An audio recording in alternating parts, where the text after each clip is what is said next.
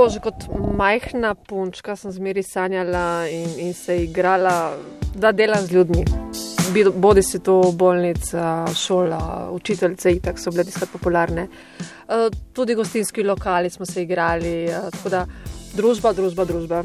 Si nisem predstavljala, da bi bili v eni pisarni, sama sedela z računalnikom.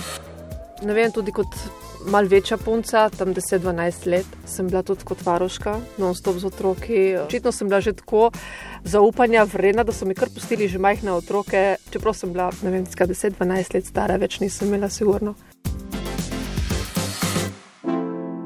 Tanja Kastelic pravi, da v osnovni šoli ni ravno blestela, zato je bila odločitev za nadaljevanje šolanja vse prej kot enostavna.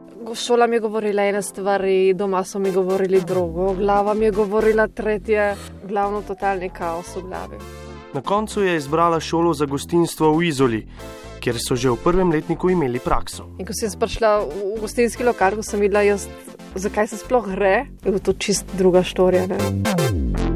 Pač delo med vikendi, delo z tudi tečnimi ljudmi, so sorto ljudi je bilo, tako da ni bilo to, kar sem si predstavljala. Ne? Po srednji šoli se je takoj zaposlila.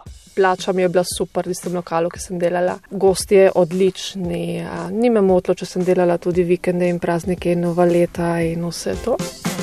Tudi to poglavje smo zaključili, ko je prišla familija. Ko sem imela prvega otroka, bi mogla iti nazaj delati. In uh, si nisem predstavljala, da bi med vikendi bila v službi, tistega majhnega otroka pa doma. Za nekaj časa je prenehala delati in še enkrat rodila, vendar, ko je tudi drugi otrok zrasel, je napočil čas, da najde zaposlitev. Tako sem pristala na zavodu, čez nekaj časa, mislim, malce časa sem bila, so me poslali na neko firmo, pač dva meseca usposabljali.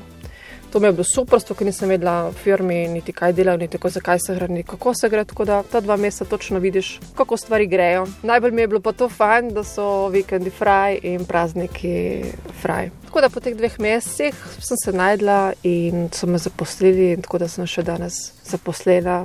Hvala Bogu za nedoločen čas. V podjetju, kjer je zaposlena, se zdaj ukvarja z računalništvom in elektroniko. Največ pa ji pomeni, da je med ljudmi tudi sem eh, rada govorim, si ne predstavljam tudi doma, ko sem meni mora biti ali televizija prežgana ali radio prežgan, tako da samo te ne prenašam. To je bila Tanja Kastelic, ki je bila vključena v projekt usposabljanja na delovnem mestu. Zgodbe, ki jih že 60 let pišemo z Evropskim socialnim skladom.